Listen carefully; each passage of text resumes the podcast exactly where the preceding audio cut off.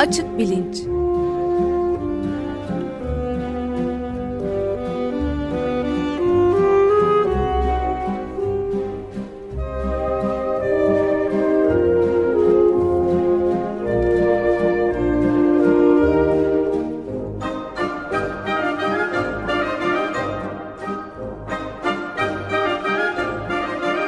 Güven Güzeldere ile bilim ve felsefe sohbetleri. Güven Bey hoş geldiniz. Günaydın. Hoş bulduk, günaydın. Hoş geldiniz. Bu sefer gerçekten günaydın. Ee, öyle, büyük bir mutluluk. Sizi canlı e, yayında ağırlamak da bize keyif veriyor. Evet, e, bıraktığımız yerden bir ara vermiştik. Oradan devam edelim isterseniz. Yani. Evet, geçen hafta kurabiye deneylerinden konuşacaktık. Onu da aslında e, dürtü kontrolü falan çalışmalarına e, bağlarız diye düşünmüştük. Bu evrim e, kitapları işi girdi. E, şimdi kurabiye deneyine dönelim. E, psikoloji aslında çok genç bir bilim. Yani 100 sene, işte bilemediniz 150 sene. Diğer bilimlere, kimyaya, fiziğe e, falan oranla e, sosyal psikoloji iyice genç bir e, alan. 50 senesi 60 senesi ancak var. E, sosyal psikolojide e, iki tür yani böyle bir adım geriye gidip bakacak olursak geniş şeye e, resme iki tür çalışmalar var e, diyebiliriz. Bir tanesi birinci tekil şahıstan giden, öbürü üçüncü tekil şahıstan giden çalışmalar. Birinci tekilden kastım şu e,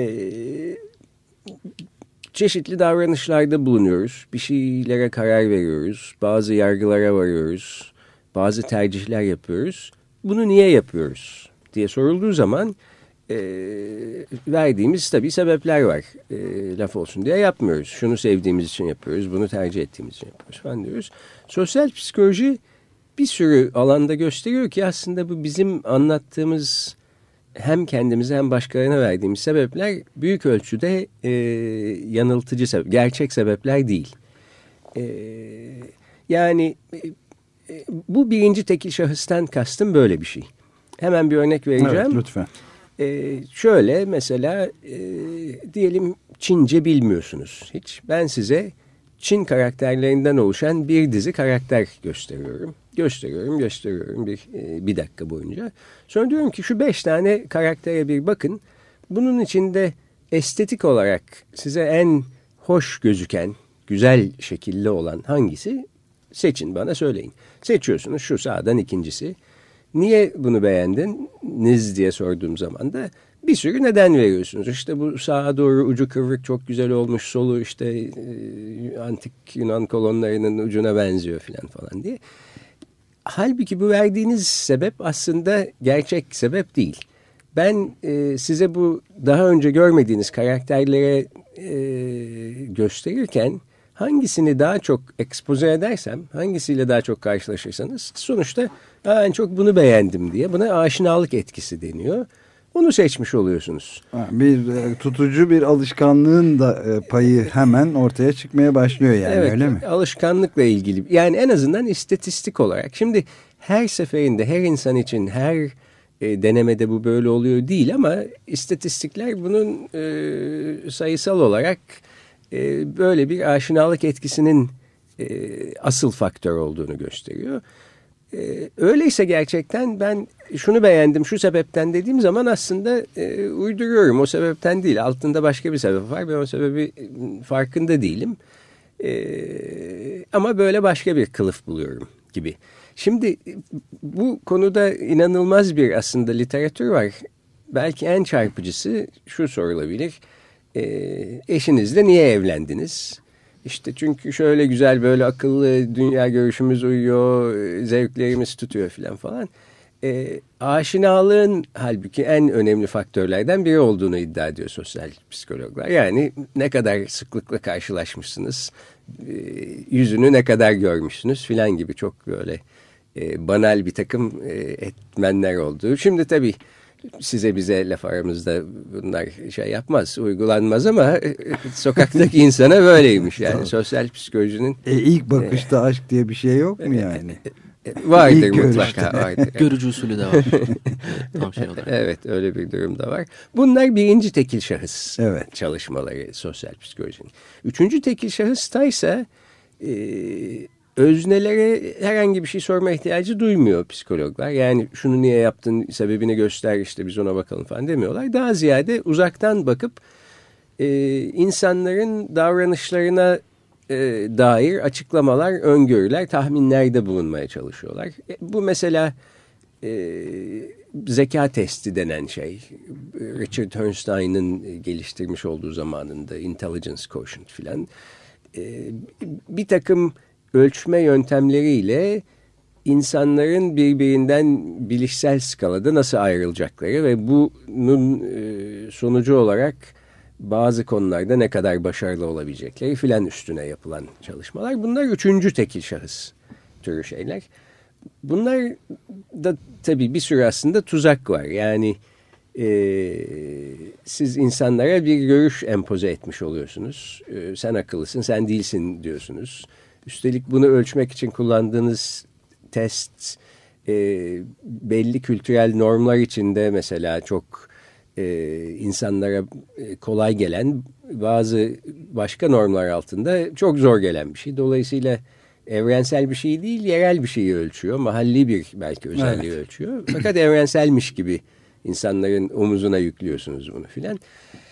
E, kurabiye deneyi de bir anlamda bu üçüncü tekil şahıs şimdi şeye kadar gelmiş olduk. E, asıl bahsedeceğimiz hikayeye. E, o tür bir çalışma. E, orada mesele şu. Şimdi herhangi bir anaokuluna giderseniz 4 yaşındaki çocuklardan oluşan bir sınıfa girdiniz. 40-50 kişi. Bunlar böyle inanılmaz bir ses e, çıkartarak. volümlü. e, bir kaotik bir ortam içinde böyle koşturuyorlar filan. E, diyelim bu çocuklar hep e, birbirine benzer bir sosyal sınıftan geliyor olsun. Anne babaları işte şu su bu su gelir durumları, ailedeki kültür eğitim şu bu filan da benzer olsun. Buna rağmen şimdi öğretmenlik yaptıysa insan şunu biliyor. Bu çocukların içinde bir kısmı kendilerine e, biçtikleri hedeflere daha yaklaşacaklar hayatta. Bazıları daha çok hayal kırıklığına uğrayacak. E, şu bu. Şimdi bu Walter Michel isimli sosyal psikolog şeyi merak ediyor. Böyle dört yaşındayken ben bu çocuklara bakıp hayatlarına dair hmm. böyle 30 sene 40 sene sonrasına dair bir şeyi e, keşfedebilir miyim acaba? Ve bu, bu ne olur? Böyle bir e, ve, ve onu bulduğunu iddia ediyor. Bir altın anahtar bu yani. Öyle bir şey ki e, elinde bu altın anahtar olan çocuklar hayat boyu sırtları yere gelmeyecek bir şekilde yaşıyorlar. Olmayanlarsa sürekli tökezliyor, zorluklar e, içinde düşe kalka gidiyorlar. Geleceği belirliyor. Merlin gibi bir, bir şey bir, yani. Bir anlamda aynen. E, bu, bu tabii çalışmanın ilk anında ortaya çıkan bir şey değil. 40 senelik bir çalışma. Yani bu adam sahiden bu çocukları işte 4 yaşındayken bulup 44 yaşına ne kadar, kadar izliyor. izliyor. İnanılmaz bir araştırma. Galiba hala da devam ediyordur. Çünkü 1972'de yapmışlardı ilk çalışmayı. İşte şimdi 2013'e girdik. 41 yıl 41, etti. Maşallah. Ee, dolayısıyla bir anlamda hani bu pastanın e, şeyi kanıtı onu yemesindedir gibi bir durum var. Diyor ki işte yani bakın ben yaptım baktım e, varsa şey yapan bundan kuşku duyan siz de yapın siz de 40 sene bakın. Ampirik bir şekilde evet. ortaya koyuyor yani evet. çok şaşırtıcı evet. bir şey evet. Şu da şaşırtıcı yani e, çok küçük bir faktör gibi gözüküyor şeyin bulduğu. E, sonuçta şimdi deneyden bir daha bahsedelim. Bir boş bir odaya 4 yaşındaki bir çocuğu koyuyoruz Deneyi yapan kişi çocuğa bir kurabiye veriyor. Bir masa bir sandalye var başka da hiçbir şey yok. Bu kurabiyeyi istersen şimdi ye diyor. Ama yemez de e, beklersen ben odadan çıkacağım bir süre sonra geri geleceğim. Sana ikinci bir kurabiye daha vereceğim. İkisini birden yiyebilirsin. E, çocukların hepsi o kurabiyeleri sevdikleri için e, ikinciyi yemek konusunda e, hevesliler. Yani o anda ikinciyi alsalar hemen yiyecekler. E, daha sonra bir gizli kamerayla böyle Behzat Ç'de izlediğimiz polis şeyden bakıyor falan var ya o, o, o tür bir e, şey e, aranjman yapmışlar. Çocukları izliyorlar 15 dakika boyunca. Bu aslında çok e, e, anne babaların içini paralayan da bir şey bir taraftan. Çünkü anne babalar getiriyor çocukları e, deneye ve o camın öbür tarafında onlar da çocuklarını izliyorlar. Çocuklar 15 dakika boyunca o kurabiyeyi yememek için Nelere e. Evet müthiş bir mücadele veriyorlar. E, bazıları daha iyi bir strateji e, kullanarak başarılı oluyor. Bazıları olamıyor. E, şimdi mesela Walter Michel'in bir ayrımı var. Diyor ki bazı uyaranlar e, bizi çekim alanı altına aldıkları zaman e, sıcak uyaran olarak e, onlardan bahsediyor. Bizim onları soğutmamız lazım diyor. Bunların e, şeyine e, yer çekimi gücüne karşı koymak istiyorsak. Ki nitekim e, bazı çocuklar bu yer çekimi alanından çıkamıyorlar kurabiyenin. Çünkü gözlerini kurabiyeye dikmiş vaziyetteler. Hatta oynuyorlar kurabiyeyle alıp kokluyorlar ağızlarına atacak gibi oluyorlar derken vazgeçiyorlar. Sonunda dayanamayıp yiyorlar. Diyorlar. Yiyorlar. E, bazıları ise daha başarılı olanlar peki kurabiye orada ama şimdi ben bundan uzak durayım diye mesela sandalyelerini ters çeviriyorlar. Kurabiye, kurabiye değil başka tarafa bakıyorlar.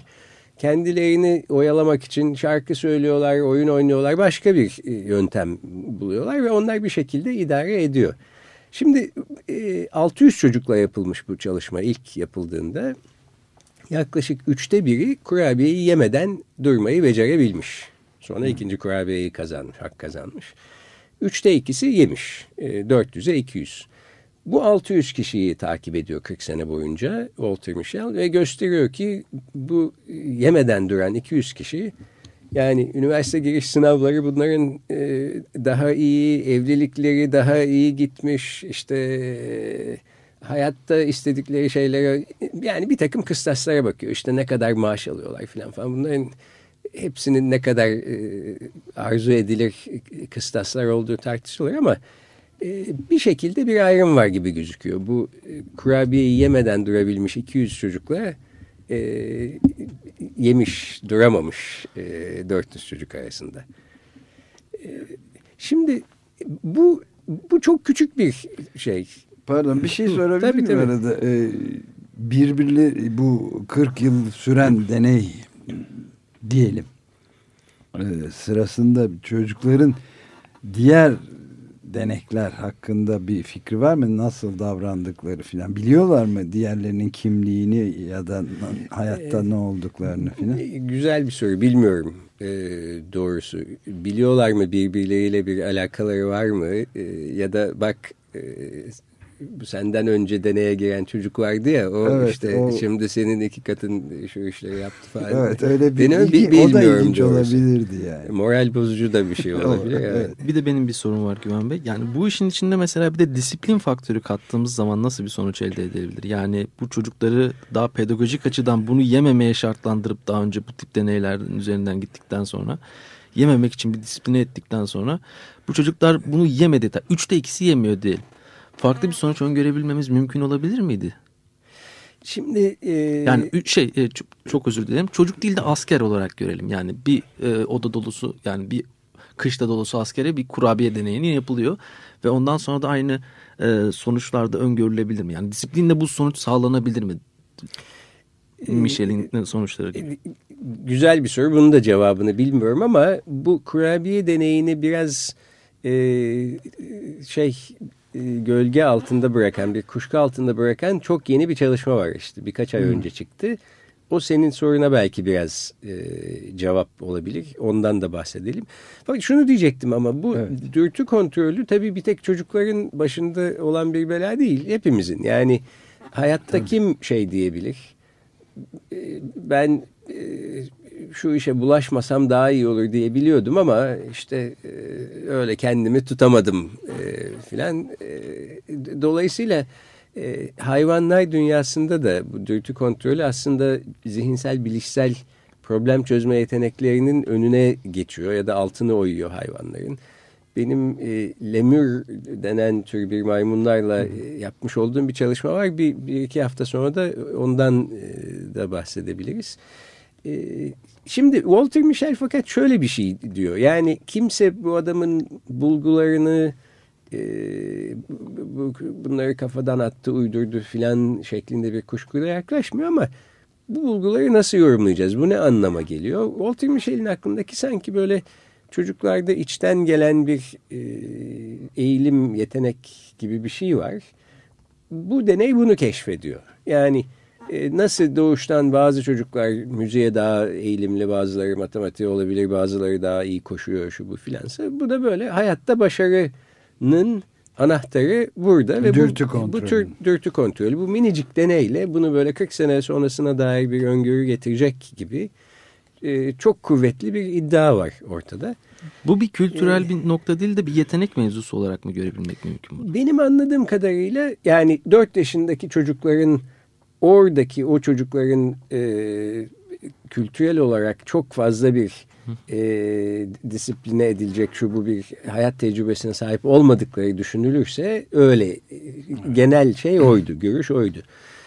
E, geçen sene Rochester Üniversitesi'nde Celeste Kidd diye bir e, doktor öğrencisi üstelik. Yani bu 40 senedir e, neredeyse e, tamamıyla genel kabul görmüş. Bu fikrin aslında belki o kadar da e,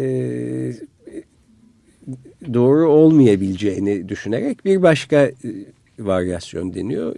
O da şuradan aklına gelmiş. Bu, bu öğrenci doktora yapmadan önce bir barınak, aile barınakları e, evinde gönüllü olarak çalışıyormuş. Diyor ki ben burada böyle sokakta kalmış işte genellikle tek anneli e, yanlarında birkaç çocuklu filan ailelerin barındığı bir yerde bunlara yardımcı oluyor. E, sürekli şeyi görüyordum diyor böyle e, yetişkinlerle ilişkilerinde sürekli e, hayal kırıklığına uğrayan çocuklar e, ve e, bana şey gibi geldi diyor. Ben bu e, kurabiye deneyini ilk okuduğum zaman ya bu kurabiye deneyini bu yani burada 100 tane çocuğu alıp ya da 400 çocuğu 400'üne yapsam 400'ü de bu kurabiyeyi 30. saniyede yer. Yer çünkü e, kendilerine söz veren yetişkinlerin bu sözü tutacağına dair bir şeyleri yok. Bu tür bir tecrübeleri yok ellerinde. Dolayısıyla bu aslında belki böyle bir tek işten gelen eğilim dürtü falan değil daha önceki e, başka insani sosyal ilişkilerin doğasıyla alakalı bir şey. Ve bu deneyi yapmak üzere doktora programına başvuruyor. Rochester'den kabul alıyor ve işte bu, bu deneyi yapıp e, Cognition dergisinde geçen sene e, Aralık ayında e, yayınladılar.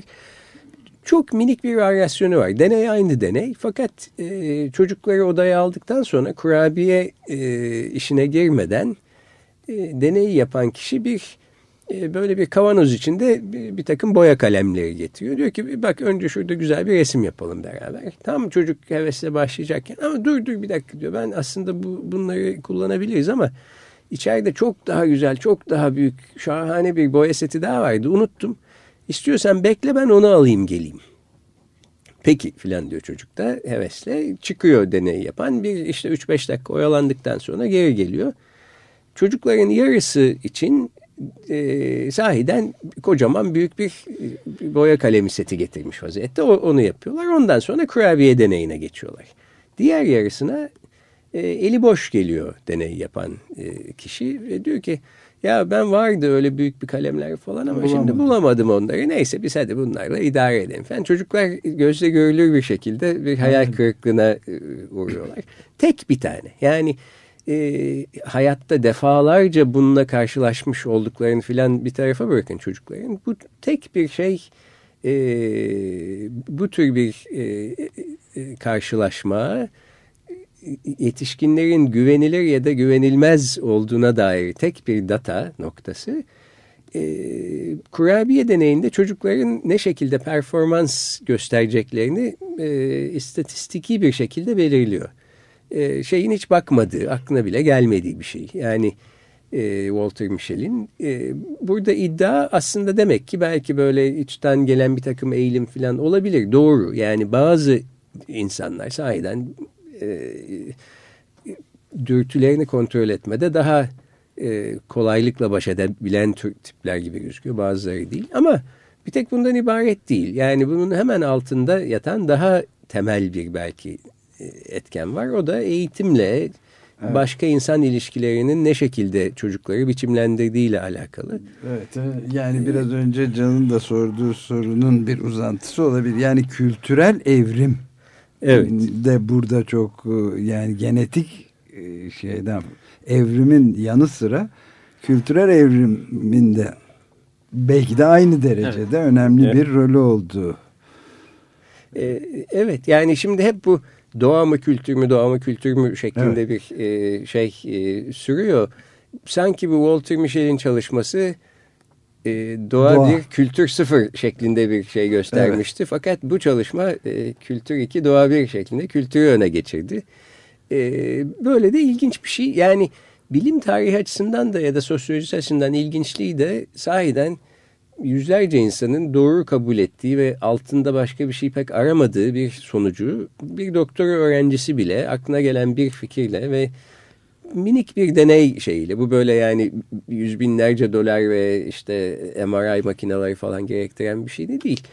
E, yaparak e, herkesin doğru kabul ettiği bir şeyi aslında belki de o kadar doğru olmayabilir e, dedirtebiliyor bir anda bunu ben bilime e, e,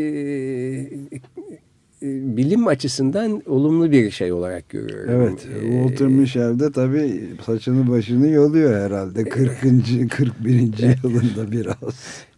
Şimdi ne diyor yani gerçek bir bilim insanının bundan memnunluk duyması lazım. Fakat evet. haliyle Walter Michel'in dürtü kontrolü ne, ne şekilde bilmiyorum. Ee, bu, bu biraz onunla da e, bağlı olabilir. Kendi dürtülerini ne, ne dedi? nasıl Kendi dürtülerini nasıl kontrol ettiğiyle evet. Ee, evet çok e, yani hakikaten de bir anda paradigmanın değişebilmesi açısından e, ilginç bir doktora öğrencisinin bunu üstelik bulabilmesi.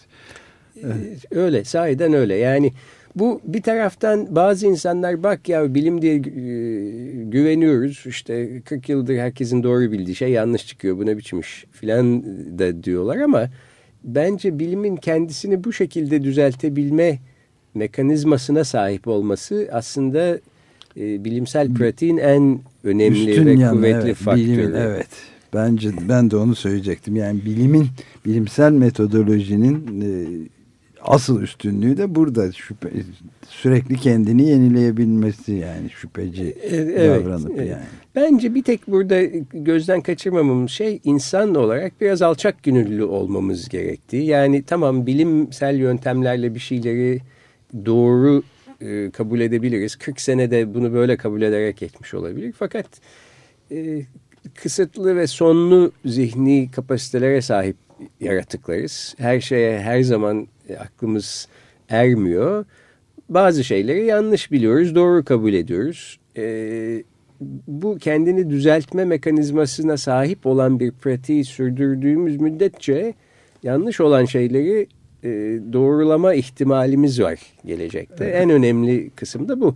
Bildiğimiz her şey şu anda kesinlikle doğru değil. Bir sürü doğru bildiğimiz şey de yanlış çıkacak filan.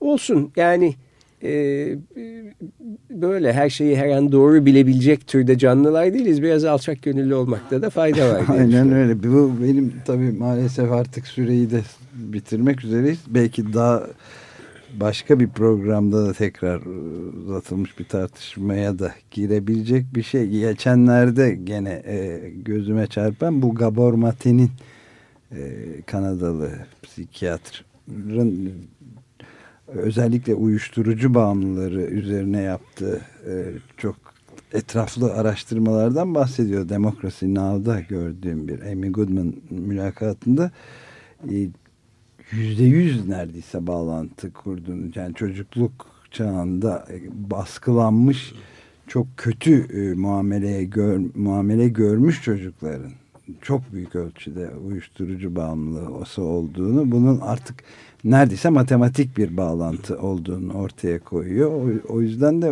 bu işte biraz kültürel yani kültürün gene galip geldiği kültürel evrimin evet. bir durum gibi geldi. Belki onun üzerinde de daha sonra o, konuşma tabii, fırsatı tabii, bulabiliriz. Çok e, şaşırt yani bunun ırkla siyahilerle değil büyük ölçüde yoksullarda ve te, bırakılmış çocuklarda, terk edilmiş, işkence edilmiş, acı çektirilmiş çocuklarda çok büyük bir birebir neredeyse bağlantı Koyla, olduğunu anladım. söylüyordu yani. Bu da ilginç yani Evet. öyle dürtü meselesi değil yani. Evet. Dürtü kontrolü değil. Evet ilginç bir şey. Peki çok teşekkür ederiz. Bu canlı ilk defa yapıyoruz bu programı. Ee, benim için bir mutluluk oldu. Böyle sabah burada olmak. Ee, ben teşekkür ederim. Ee, haftaya görüşmek üzere.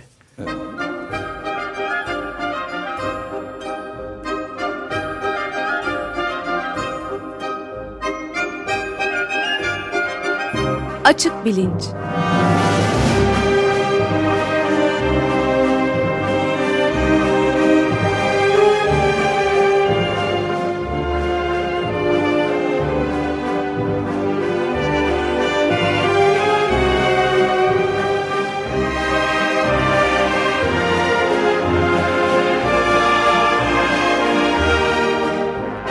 Güven Güzeldere ile bilim ve felsefe sohbetleri.